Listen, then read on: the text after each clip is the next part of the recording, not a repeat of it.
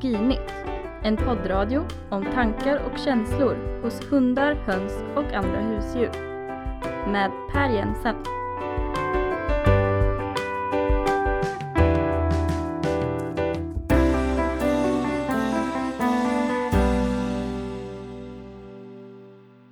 Jaha Mona, Ja. nu sitter vi här igen och ska göra en, eh, ett nytt eh, avsnitt av våran podcast och prata lite om hundar. Mm.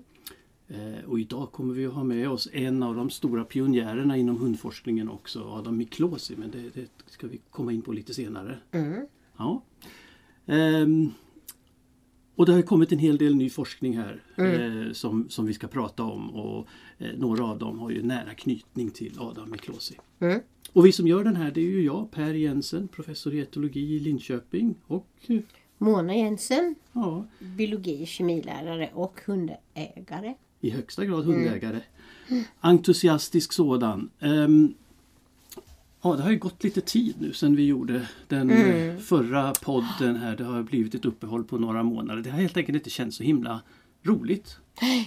Därför att både Majken och Nisse har ju lämnat oss. Ja. Mm.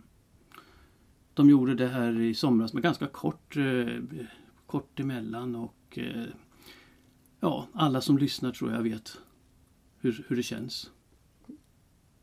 Så ehm, ja, eh, det är en sån sorg man får bära med sig som hundägare att ehm, det, man vet ju det tyvärr. Det är det tragiska med hundägandet att vi vet att det, det, det tar slut alldeles för fort.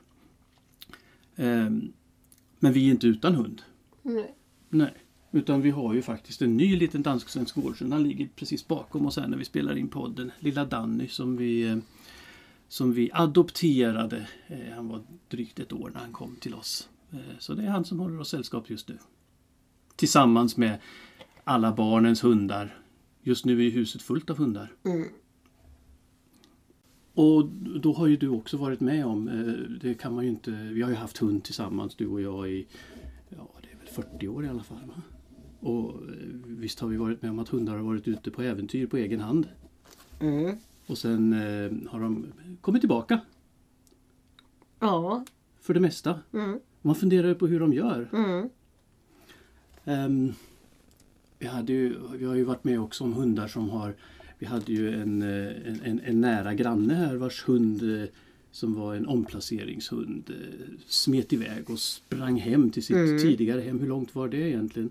ja, två mil. Två mil? Nästan åtminstone. Ja. Fast han sprang över skogen. Precis, Mm. en helt annan väg än de hade kommit.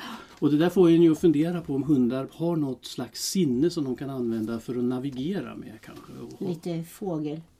ja, precis som fåglar kanske. Mm. För, eh, för hur gör fåglarna? De har väl järnfilspån i huvudet. Nej, jag vet inte. Jo, men det- jo, men alltså det- man pratar ju om att de har en inre kompass. Ja, en mag- ett mag- magnetsinne. Ja, precis. Och det, det där är ganska så eh, allmänt spritt i djurvärlden. Det finns bland fåglar, det finns bland fiskar och en massa andra. Mm. En ma- massa, och, och, och faktiskt en hel del däggdjur också. Någon slags magnetsinne, alltså förmågan att uppfatta jordens magnetfält. Och för några år sedan kom det faktiskt ett arbete som, som påstod att hundar också har ett sånt magnetsinne, även om man inte visste hur. Vad har inte hundar? Ja, det kan man Mm. undra.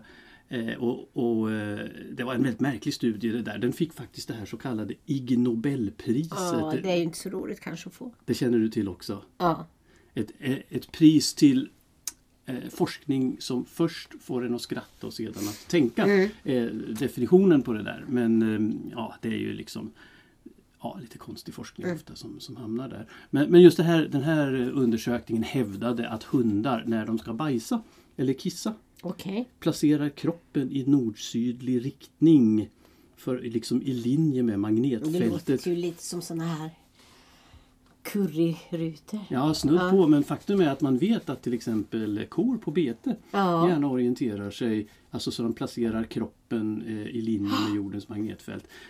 Lite svårförståeligt varför hundar skulle göra det just när de bajsar Mm. och kissar och sådär. Så den där studien, den, den, ja, man visste väl inte riktigt hur man skulle tolka den Fast där. när man börjar tänka nu, så, eller nu kommer man ju alltid titta på detta. Exakt. Ja. Jo, det är väl roligt. Det kan Ja. väl våra lyssnare också få göra. Mm. Titta på hunden nästa gång den bajsar. Men nu har det kommit en helt ny undersökning här som, som har gjort det här på ett betydligt mer noggrant sätt. Och det är en, en, en tysk forskargrupp. De var intresserade av, om hunden nu har ett magnetsinne, då måste man ju kunna träna hunden att hitta en magnet. Mm. Mm. Så det de gjorde det var att de började med att liksom med hjälp av en klicker belöna hundar när de eh, gick fram till och markerade en, en magnet. Och så hade man ju lite olika kontroller där. Man hade olika järnbitar och metallbitar som låg bredvid sen då som, som de då inte skulle markera. Mm. Och eh, det där gick ganska bra faktiskt. Man kunde klicka in dem på att markera den här magneten. Nu Är de- man säker på att det inte luktar något? Ja men det är ju det som är frågan nu. Så vad är det de egentligen reagerar Mm. på? Så därför gick man vidare nu och gjorde det riktiga försöket. Och då gjorde man så att man jobbade med tre ogenomskinliga glasburkar. Eh, och i de där burkarna så la man i en av dem la man en magnet som hade virat in i en strumpa. Och i de två andra så la man en annan metallbit som inte var magnetisk och I som man också virade in i en strumpa. Mm. Och de här var helt ogenomskinliga. Man kunde skruva igen locket så att de var helt täta så det skulle inte komma ut någon som helst lukt Mm. där. Och så ställde man upp dem eh, några meter ifrån hunden, tre stycken bredvid varandra och så bad man hunden att markera Mm. ma- magneten. Mm. Och de gjorde det. Om de bara hade gissat här så Ja. skulle de ju ha fått ungefär en Ja, tredjedel precis. eh, rätt. Här. I själva verket så hade de eh, omkring två tredjedelar och mer än det Mm. rätt. Som visar att på något sätt så verkar det som de kan ha uppfattat i vilken av de här burkarna det fanns en magnet. Häftigt. Mm. Skulle, det skulle fortfarande kunna vara lukt som strö- strömmar ur skulle man kunna tänka sig. Men du sa ju att de var så täta. Exakt, men du vet ju hur hundars Mm. luktsinne är. Så för att kolla det ytterligare en Mm. gång så tränade man också hundar på att markera godis. Mm. Och så stoppade man godis i en av de här tre och Ah. järnbitar i de andra två som inte var magnetiska då. Och så bad man hunden att hitta godiset. Mm. Och nu klarar de det inte. Nej, okej. ja. Nu gissar de bara. Och det tyder ju då på att det kommer faktiskt inte ut någon lukt Nej. ifrån de här utan eh, det är magnetfältet som de känner. Nu ska man ju då eh, komma ihåg att det här magnetfältet det är ju, blir ju starkare än jordens magnetfält. Jordens magnetfält Ja. är väldigt, väldigt svagt. Va? Men det här tyder ju ändå på att det finns ett magnetsinne. Mm. Så det finns mycket forskning kvar innan vi kan säga helt säkert att hundar verkligen kan eh, uppleva eh, eh, det här magnetfältet. Men, ehm, men, men och, och framförallt hur de gör det. Mm. Det- Men de har ju en... Ja, alltså när de inte tar bakspår och sådana saker så måste de ju gå på någon. Ja, för det ser man ju ofta att hunden Mm. liksom den, den kanske följer ett harspår eller någonting och försvinner och så efter några minuter så kommer den tillbaka och då kommer den en helt annan Mm. väg. Ja, så på något sätt så, så måste de ju kunna orientera sig. Eh, och kanske är det med magnetfältet. Mm. Det får vi se. Mm. Framtida Mm. forskning får utvisa detta. Men det är häftigt. Det är ett, eh, ett, eh, ett helt nytt eh, område i alla Ja. fall. Och ett, ett nytt sinne. Men eh, nu så ska vi ehm, nu ska vi eh, eh, prata med en av de riktigt stora pionjärerna. En av de som verkligen har eh, gjort mycket för all den forskning som har kommit om hundar och hur hundar fungerar under de En gigant. Ja, det får vi väl säga ändå. Adam Miklosi från Ungern. Han gästade eh, Linköpings universitet och vår forskargrupp här f- för några dagar sedan och eh, jag fick chansen att prata med honom i, ett, eh, i, en intervju. Mm. Eh, vi, ska, vi ska höra vad han har att berätta om sig själv och, och bakgrunden till, till sin forskning. Mm.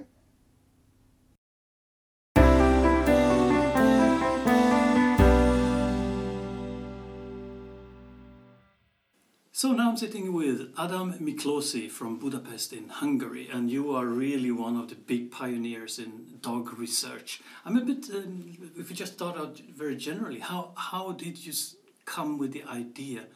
This was uh, 30 years ago or more to actually start doing work on dogs because you are trained as an ethologist in the, in the, in the background.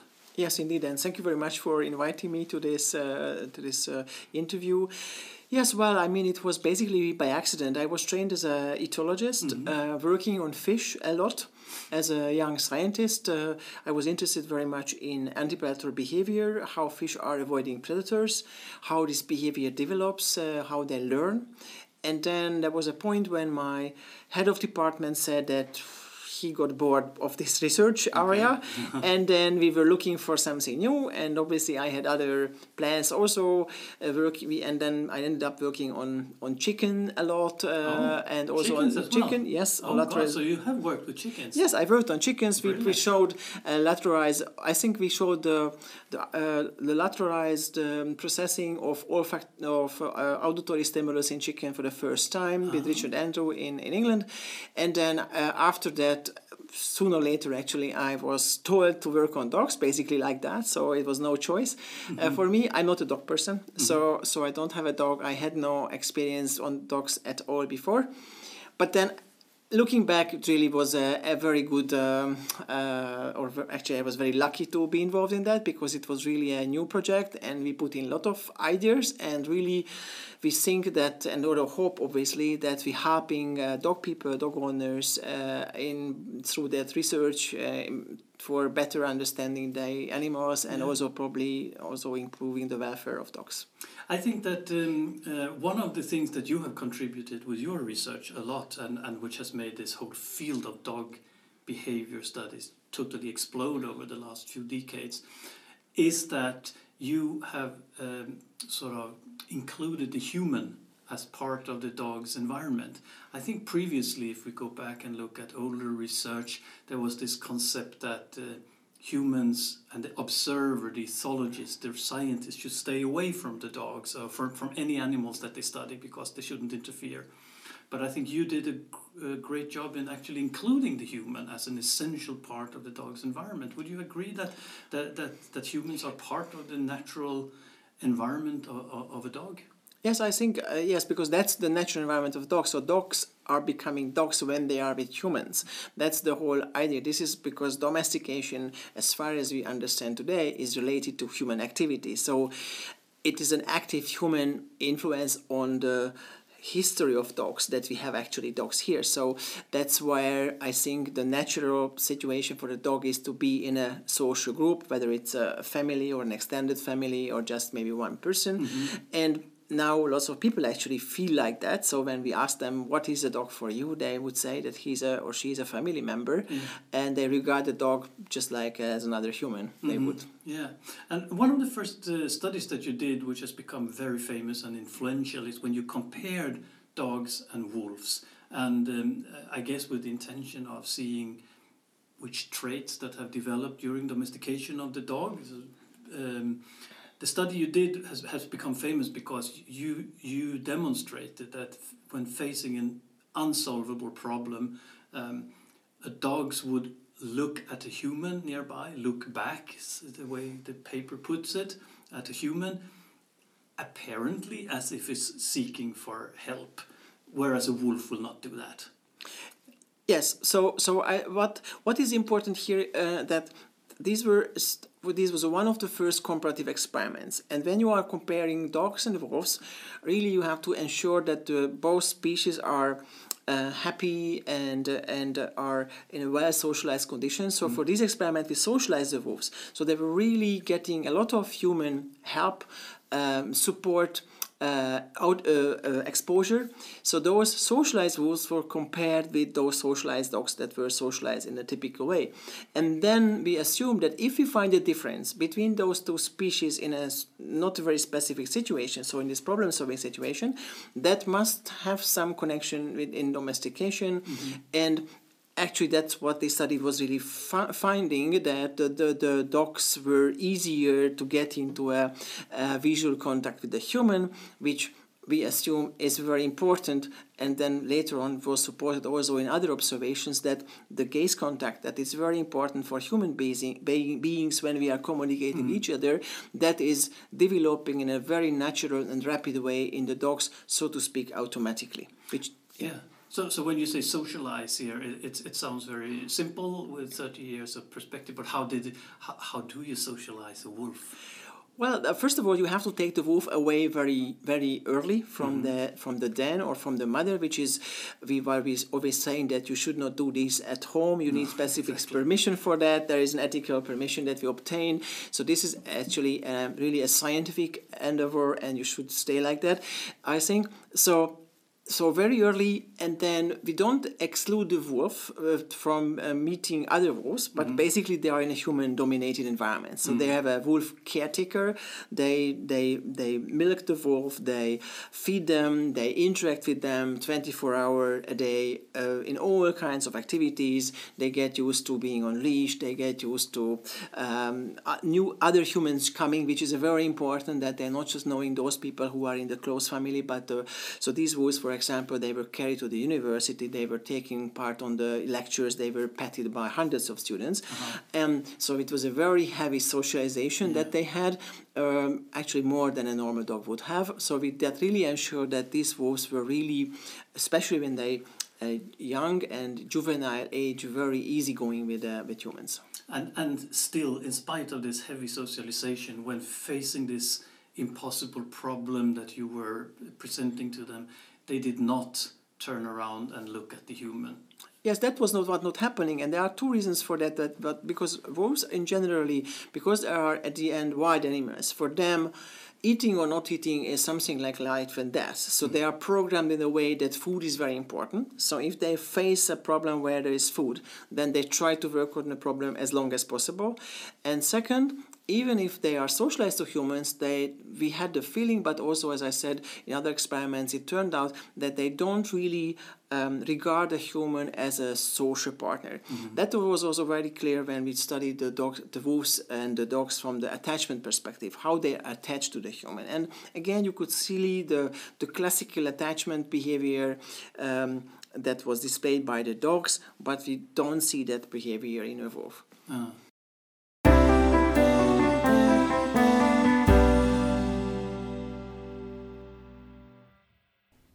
Ja, det där var alltså Adam Miklosi från Budapest i Ungern. Lite svårt att höra. Ja, hans Ja. engelska är ju väldigt, väldigt ungersk. Han, han, han är ju en intensiv människa. Du träffade honom också när han var här. Och, och han är ju en, en väldigt intensiv människa. Men, eh, Men du ska man- inte sammanfatta lite snabbt? vad han sa? Ja. Ja. men han berättade ju om all den här forskningen med, med, eh, med, med, med hundar som ju bygger på att man i Ungern eh, tog det här steget i, eh, ganska medvetet att eh, genom att forska på hundar så kom man undan med ganska begränsade kostnader till exempel.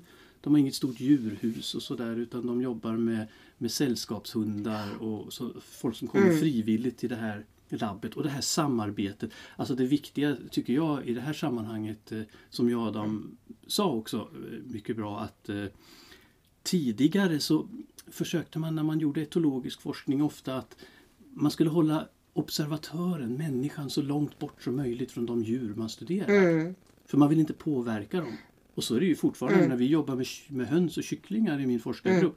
Då är det ju jätteviktigt att man inte påverkar djuren. Man ska helst inte synas när, när djuren beter sig för då får man inget naturligt Nej. beteende. Men den stora insikten som Miklosi kom med här tycker jag, det är ju att han eh, insåg att eh, människan är en väldigt viktig del av, djur, av, av en hunds Ja. naturliga miljö och utan människa så beter sig inte hunden som en hund. Nej. Nej. Ja, det är lite så här Columbi ägg du vet. Liksom alla kan göra det men det var faktiskt de som gjorde Ja. och insåg det här. Och, och det är vi väldigt tacksamma för. En av de senaste forskningsrapporterna som kom ifrån Adam Miklosi, den är, den är alldeles ny. Den, den kom här under 2020 och eh, handlar om, eh, språkförståelse för det är ett område som han intresserar sig väldigt mycket för. Eh, och jag tror att många som lyssnar på den här podden känner till till exempel den här border collien Chaser som kunde över tusen namn på föremål och, och, och eh, ja, hade e- ett fantastiskt språksinne faktiskt. Eh, här, nu har man studerat en, en annan border collie. Den här heter Whisky. Whisky. Whisky som drycken. Eh, och eh, bor i Norge faktiskt av alla ställen. Så dit har de åkt för att studera den här whisky och se vad den, vad den egentligen kan. Och den har precis som Chaser namn på en massa olika föremål. Inte alls tusen olika, helt, men, men, men väldigt många. Ja. Ehm, Och eh, frågan här nu var, sk- ska man, kan man på något sätt undersöka om en hund kan kategorisera spontant? Alltså om den förstår. Vi, vi har ju kategorier. När, vi, när vi till exempel säger en stol, då vet vi att det, de kan se ut på väldigt många olika sätt. Om man ber någon gå och hämta en stol i ett rum så kan de komma tillbaka med ja, vad som helst som, är- som man kan sitta på. Ifrån, ja, så vi Ja. kategoriserar. Gör en hund det eller inte? Så det här eh, det var lite komplicerat upplägg i den här studien så, så vi- tar det lite varligt bara. Alltså den här hunden hade då redan en massa leksaker. Ja. Och bland alla de här leksakerna som den hade namn på så fanns det liksom grupper som Mm. var ungefär likadana. Till exempel hade den en massa olika frisbees Ja. som den lekte med. Mm. Och när ägaren pratade med Whisky om de här så hade han namn på var och en av de här olika frisbeerna. Då hette de saker som den röda frisbeen, Mm. stora frisbeen, eh, eh, blå frisbeen och så vidare. Så det fanns ju liksom ett litet ett, ett, ett förled och Mm. Ja. en frisbee. Nu frågan, och så hade han eh, till exempel olika typer av snören eller snoddar, såna här Mm. dragleksaker som också såg lite olika ut och hette saker som långa snöret, korta snöret, Mm. tjocka snöret. Mm. Förstår då Whisky att snöre är ett, en kategori av saker Mm. som har den här egenskapen att de är långa och dragbara? Förstår han att en frisbee är ett runt föremål? Ja, det tror jag. Ja, men hur ska man undersöka det? Det är en sak att tro Bollar det. kan de ju. Ja, i alla fall kan, kunde ju Chaser det. Det vet vi ju. Och Eh, våra hundar kan ju det med. Ja, men vi har inte undersökt det sådär Nej, helt inte eh, noga. systematiskt. Nej. Det man gjorde Låt oss nu, se nu. Ja, Mm. det man gjorde i den här undersökningen det var att man, man åkte och köpte ett gäng frisbees som Ah. Inte var så- blå och Som inte såg ut som någon av Nej. de frisbees som, som eh, eh, Whisky lekte med i vanliga fall. Mm. Och ett gäng snören och lite andra föremål som liksom påminde väldigt mycket om de här som han redan hade namn på. Mm. Men nu var det, de var lite annorlunda helt enkelt. Mm. Eh, och så testade man whisky helt enkelt genom att man la ut några föremål i ett rum och så skickade man in honom där och så sa man gå och hämta en frisbee. Mm. Och då ligger det då bland de här föremålen en av de här nya frisbeerna som man liksom inte har något Mm. Nej. namn på. Och det visade sig ju att whisky faktiskt Kunde det. kan, förstod det. Inte riktigt så bra som man trodde faktiskt. Men, men om han hade fått busa och leka lite med den här saken i förväg. Mm. Då fattade han att det var en frisbee. Ja, Så det räckte inte med, eller han gjorde det Ja. bättre än slumpen. Eh, men eh, om han hade haft en möjlighet att få leka och busa lite med den i förväg Mm. utan att få något namn på den. Då blev han fantastiskt duktig på att- plocka hem dem där. är det känslosinnet kanske där? Ja, Mm. och det står faktiskt inte i den här artikeln men eh, när jag satt och jag käkade lunch tillsammans med Adam Miklosi en av dagarna när han var här. Då satt vi och pratade om de här whiskyförsöken. Ja. Och då berättade han att, att whisky kan faktiskt också skilja på de här föremålen i fullständigt mörker. Okej. Så att om man lägger Ja. ut de här föremålen på golvet och så säger man åt honom gå in i det här mörka rummet och hämta en frisbee. Ja. Så kommer han ut med en frisbee. Och det tyder ju på att han på något sätt kan använda olika sinnen. Ja. Mm. Kanske lukten eller någonting annat. Ja, lukten kan ju inte vara... Varför inte? Ja, men alla frisbees kan ju inte lukta likadant. Nej men just den frisbeen som han... eh, Ja, ja. Alltså då, det här var ju när, när han har namn på leksaker. Ja, ja, man sa gå in och hämta blå frisbeen. Men jag menar, no, det måste ju vara jättekänsligt nos. Alltså att de... Ja, nosen ja. Och tar, liksom tar med nosen och känner. Måste ju vara. Det, det tror jag kan vara väldigt... Och, och, och um, morrhår, Mm. känselhår och, och allting sånt här. Men det var ju väldigt roligt att du nämnde nosen. Mm. För den ska vi komma tillbaka till. Eh, och det ska vi göra alldeles, eh, alldeles strax. Man, en, en sak som man ju funderar på när hundar eh, gör såna här saker och, och de lyssnar och de lär sig ord och sådär. Det är att man skulle ju vilja veta vad som händer inne i huvudet på dem. Hur, hur, hur funkar hjärnan när de lyssnar och lär sig ord? Men, och, och faktum är att en av dem som verkligen har studerat det, det är ju just Adam Miklosi.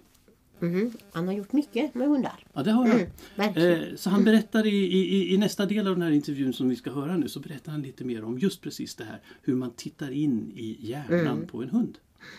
Så här kommer han. Mm.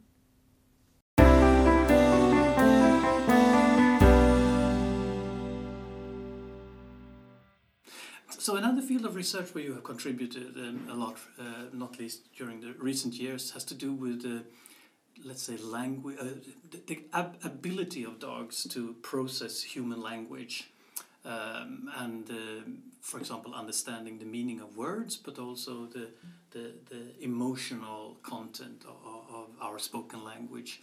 And again, you have been a pioneer, I would say, because you have actually looked into the brains of dogs while they are listening to humans. How, how, how did you manage to do that? Well, yes, I, the, this the looking into the brain it was always a challenge for us. Always wanted to do because if you are working with the animal mind, it would be very nice to also see the the, the lower levels or the neuron levels. Obviously, the classical methods, putting electrodes, for example, in the dog brain, was an impossible way mm-hmm. to do. So we had to really to find another method, which is provided by what is called the functional um, uh, measurement of neural activity that is based on magnetic resonance. Mm-hmm. Bas- basically, it's also used actually for humans. So in this case, the equipment is not even touching the dog. So it's basically only the magnetic field mm-hmm. that can measure the brain activity of the dog. The only, which I'm saying obviously not so simple, the only thing is that the dog has to be quiet and and stay put or actually lie put in the scanner yes. while he's uh, while the brain is active and then this special scanner can measure the changes in the, the activation changes in the brain and we were among the first actually the first uh, mm. who trained dogs for lying in a quiet state for six minutes, which actually is even for a human a very difficult task. Yeah, I can I can testify about that.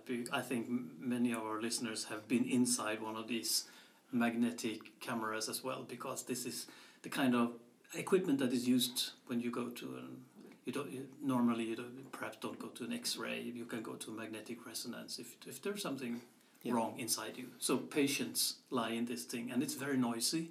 It, yes, it's very noisy, and because we are measuring activity of a particular location in the brain, this location should be at the same place all the time. Yes. So we're actually measuring, not with the equipment is measuring how much the dog is moving or the person in the scanner. And if it's more than one millimeter, then we can't use these imaging images because it's just too big to be corrected. So just imagine a dog that is not moving uh, like for six minutes more than one millimeter. This is a very special training. And uh, interestingly, we or my colleague uh, Marta Gacci developed a very specific method that is not just based on the classic uh, reward uh, or food reward based uh, clicker type of training, mm-hmm. but also on a sort of social challenge. So basically, that the dogs are doing it sort of for fun and for making the owner sort of happy, even if it's a little bit anthropomorphic in this case. Mm-hmm. But really, this is what happens. So it's really based also on social learning. Uh-huh. So the dogs can see that other dogs are there in the scanner and enjoying their time. So there was a want to go there and enjoy oh, yeah, the same yeah. time. Okay, the same and they way. can see other dogs being yes, rewarded. And, yeah. So uh, dogs lie there uh, in the scanner, and then you expose them to different uh, uh, sounds, words, uh, uh, people speaking words, but uh, obviously recorded versions of this. Um, so, in general, what did you find? how, how do they process the things that we say? Well, the, obviously the experiments that we're carrying out is quite complex because we have to control for different things so the question was obviously whether there are words that are more familiar to dogs than others mm-hmm. and whether words that have a meaning for the dog so for example word is like come or sit or good dog or good mm-hmm. boy whatever mm-hmm. people say to their dog so this is these are words with some meaning for a dog and then there are words like and why which are not have no meaning but probably they heard them as well mm-hmm. when humans were talking to each other so we and then you can imagine that the dog is in the scanner they are they are played uh, these words in different combinations and on the top of it we also manipulated the emotional content so whether we would say the come like a nice way, like a positive mm-hmm. with a mm-hmm. positive emotion, or like a neutral way. Mm-hmm. And obviously, with these these spoken words or these recorded words were um, were uh, estimated or uh, judged by human listeners right. of a foreign language oh. to, to see whether they, they either hear the emotion or don't hear the emotions mm-hmm. and if they so only we use those stimuli that were perfect for our goals and then what we found that really there's interesting aspect because the dog brain is reacting uh, for the uh, for the meaningful words uh, in a specific way. Also, it seems to be that the the meaning for the words with the meaning activating the what we so call the reward area, which is a specific place on in the brain, uh, the nucleus caudatus, and also on the other hand, different parts of the brain are analyzing the words with emotional content wi- and with, with that have no emotional content. So it really seems to be that although the dogs are sort of just listening to those, but those words really are represented in different parts of the brain and also depending on whether they have uh, uh, he- they have heard with emotions or without emotions. Uh, and these are these two aspects, so the word understanding and the emotions, they are actually processed in different brain, brain halves. halves, yes, yes. So Yeah. there are different locations also on the brain in the brain, yes. And that's pretty similar to what we see in humans, isn't it? Yes, yes. The only difference in this case was that uh, the asymmetry in the brain is, is opposite to that in, in humans, Okay. uh, which is interesting on its own, but not, not very interesting. But it really seems to be that that at that um, uh, primary level of analysis, uh, these meaningful and non-meaningful linguistic stimuli are represented in the same way in the dog brain and in the human brain. Ah. So when um, a human thinks that dogs do not listen to what you say, only how they say it, this is a common saying Yeah. among dogs, they are simply wrong. They listen to both, Both- right? both- yes, yes, Yeah. that's true. Yeah, that's very interesting, isn't it? Yeah. Yes. Okay, Adam Miklosi, thank you very much for this and um, uh, good luck with uh, all the research down in Budapest. Yeah, thank you very much, and thank you for inviting me. Thank you. Thanks.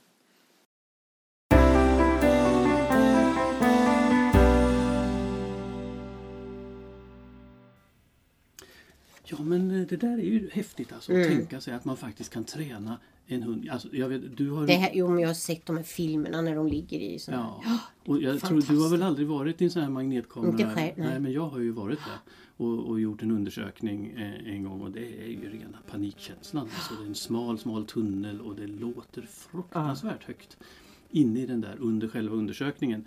Lätt att få panik men de här hundarna Mm. tycker det är roligt. Ja, det är ju Och att fantastiskt. de ligger helt still. Ja. Miklosi berättar här då, eh, för de som kanske inte riktigt hängde med allt vad han sa att det- tar ungefär sex minuter att göra en sån här hjärnscanning för Mm. att få en sammanhängande bild av vad som händer i hjärnan. Och under de här sex minuterna så får inte hunden flytta sig en millimeter. Och där ligger de helt blickstill i en millimeter. Det Men det, det finns ju filmer på Youtube med, där de tränar såna här hundar. Exakt, det kan vem som helst gå in och Ja, titta på. det är faktiskt värt att se. Det så imponerande. Ehm, och det där är ju inte många människor som klarar av att ligga stilla så där länge och, och röra sig så pass lite. Som, sådär. Ehm, ja, och, och den här metoden har man använt eh, också i eh, alldeles ny forskning i, i ett helt annat syfte. Ehm, så nu kommer vi tillbaka till nosen som vi pratade om precis innan eh, det här sista inslaget med, med Miklosi. Och nu är vi nog så nära forskningsfronten som man överhuvudtaget kan komma. För eh, de som lyssnar på den här podden eh, kort efter att den har kommit ut nu, då ska ni veta det att den här rapporten den publicerades alltså den 28 februari. Oj, Så det är i förrgår för oss som färskt. det här är verkligen färskt ifrån tryckpressarna. Ehm, Men det är ju forskning som har pågått under ett antal år det här och det är ett samarbete mellan eh, en forskare eh, i Lund som heter Ronald Kröger Jaha. och eh, Adam Miklosi och hans grupp nere i Budapest.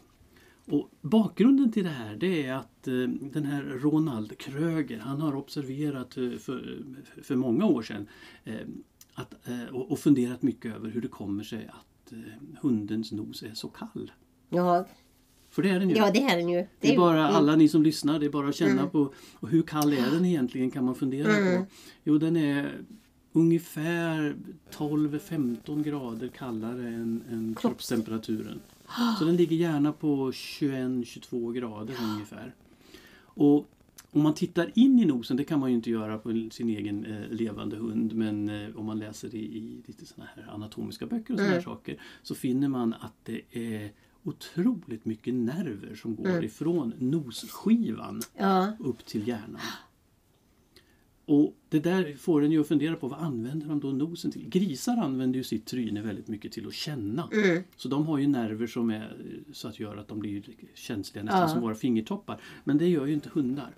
Eh, eh, Så den här kombinationen av väldigt mycket nerver, kall nosskiva fick Kröger att börja tänka på eh, eh, vad andra djurgrupper använder sina nosar till. Och då är det så att den här vävnaden den har ett särskilt namn. Den kallas för rinarium. Ja. Rinariet är alltså den här innerverade yttre delen av nosskivan. Och hos vissa fladdermöss så har man sett att de använder den här för att detektera värmestrålning. Svag, svag värmestrålning. Så Kröger han börjar fundera på om det kan vara likadant med hundar. Tänk om de har ett sinne som vi inte känner till. Nämligen att kunna upp- uppfatta svag infraröd Ja, ja, värmestrålning ja. på avstånd. Och det här vet jag att han har jobbat med i flera år så den här vetenskapliga rapporten som kom nu den är ju resultatet av en, eh, eh, eh, ett antal olika försök att verkligen mäta det här. Det man har gjort här nu det är att man, man tränade tre olika hundar. Det är ju inget jättematerial Nej, men nej. jag menar kan, Mm. kan en hund göra det här så, så vet vi ju att Ja. sinnesorganet finns i alla fall. Så man tränade tre olika hundar. De tränades på att identifiera en varm metallskiva ungefär stor som ett A4-papper. Mm. Eh, och värmen på den där den, den låg på ung, strax över 30 grader. Så, och det är ungefär den värme som ett, eh, ett pälsdjur Ja. avger Mm. om den finns i en buske. Eller, Sork. ja, eller en sork till exempel. Ja. Mm. Och det där eh, eh, gjorde man ju då med liksom, att klicka in hunden på att den fick lära sig att när den här metallskivan var varm så fanns det godis bakom den. När den var rumstempererad så fanns det inget Nej. godis. Och sen gjorde man ett enkelt sånt här som man kallar för diskrimineringsförsök med hundarna. Det vill säga de fick två värmeplattor att välja mellan. Mm. Och det var som en, en korridor som gjorde att de var tvungna att göra det här valet redan ungefär en och en halv meter ifrån Mm. skivorna. Så de står alltså ungefär en och en halv meter ifrån oss. Det är två stycken identiska metallskivor. Den ena är 10-12 grader varmare än den andra. Kan de upptäcka det här på en och en halv meters avstånd? Mm. Svar ja. Ja! Ja, de, de, de var jätteduktiga. De, hade, de gjorde rätt val, i, eh, varierar lite grann från hund till hund, men mellan 70 och 80 procent av försöken så valde de den varma skivan. Ja, det är häftigt. Ja. Men det är klart att man vet ju inte helt säkert om det verkligen är det här rinariet. Det, det skulle ju kunna vara andra saker också. Men, men det ligger ju nära till hands Mm. att det är rinariet. Därför att det fin, de har lite resonemang här om att eh, eh, annan vävnad som finns i ansiktstrakten och sådär är inte riktigt lämplig för att uppfatta värmestrålning. Men för att ändå så att säga, fördjupa det här ytterligare lite grann så eh, eh, inledde man då det här samarbetet med Miklosi Mm. och hans grupp. För de kan ju studera hundars hjärnor i MRI, Ja, i, ja. i de här magnetkamerorna. Så det man gjorde var att man testade faktiskt eh, 13 hundar nere i Budapest. Mm. De här hundarna hoppade in i den här kameran och när de låg där och man skannade vad som händer i hjärnan så med specialutrustning så kunde man så att säga, exponera nosen för en svag värmestrålning. Och då... Och då såg man att en liten del av hjärnan aktiverades eh, i, i, i den vänstra hjärnhalvan, en liten punkt i det som vi kallar för somatosensorisk cortex. Det är den- del av hjärnan som används för sinnesuppfattningar av olika slag. Så det finns somas, so, so, eh, somatosensorisk cortex för synsinne och för eh, hörsel och så vidare. Och det här var då en punkt som då tycks användas för värmedetektion. Eh, detektion. Mm. Vad häftigt. Så nu har vi lärt oss två helt nya Mm. saker om hundar. De Som kan inte visste. uppfatta magnetfält. Mm. De kan uppfatta värmestrålning. Ja, det kan de. Och så kan de uppfatta värmestrålning. Mm. Också alltså två helt eh, nya, de är ju inte nya men de är tidigare okända Ja. sinnen. Och frågan är vad som finns mer där att upptäcka på bland hundarna för ibland gör de ju saker som man blir rätt förvånad över. Mm. Ja, så är det. Så. Mm. Men det får vi återkomma till i så fall när de rapporterna dyker upp. Eh, Det var väl allt vi hade att bjuda på för idag det här tänker jag. Mm. Ehm, Vi tackar för oss, vi tackar Adam Miklosi för hans medverkan. Eh, och vi tackar er som har lyssnat och musiken till den här podcasten är ju gjord och producerad av Axel Jensen.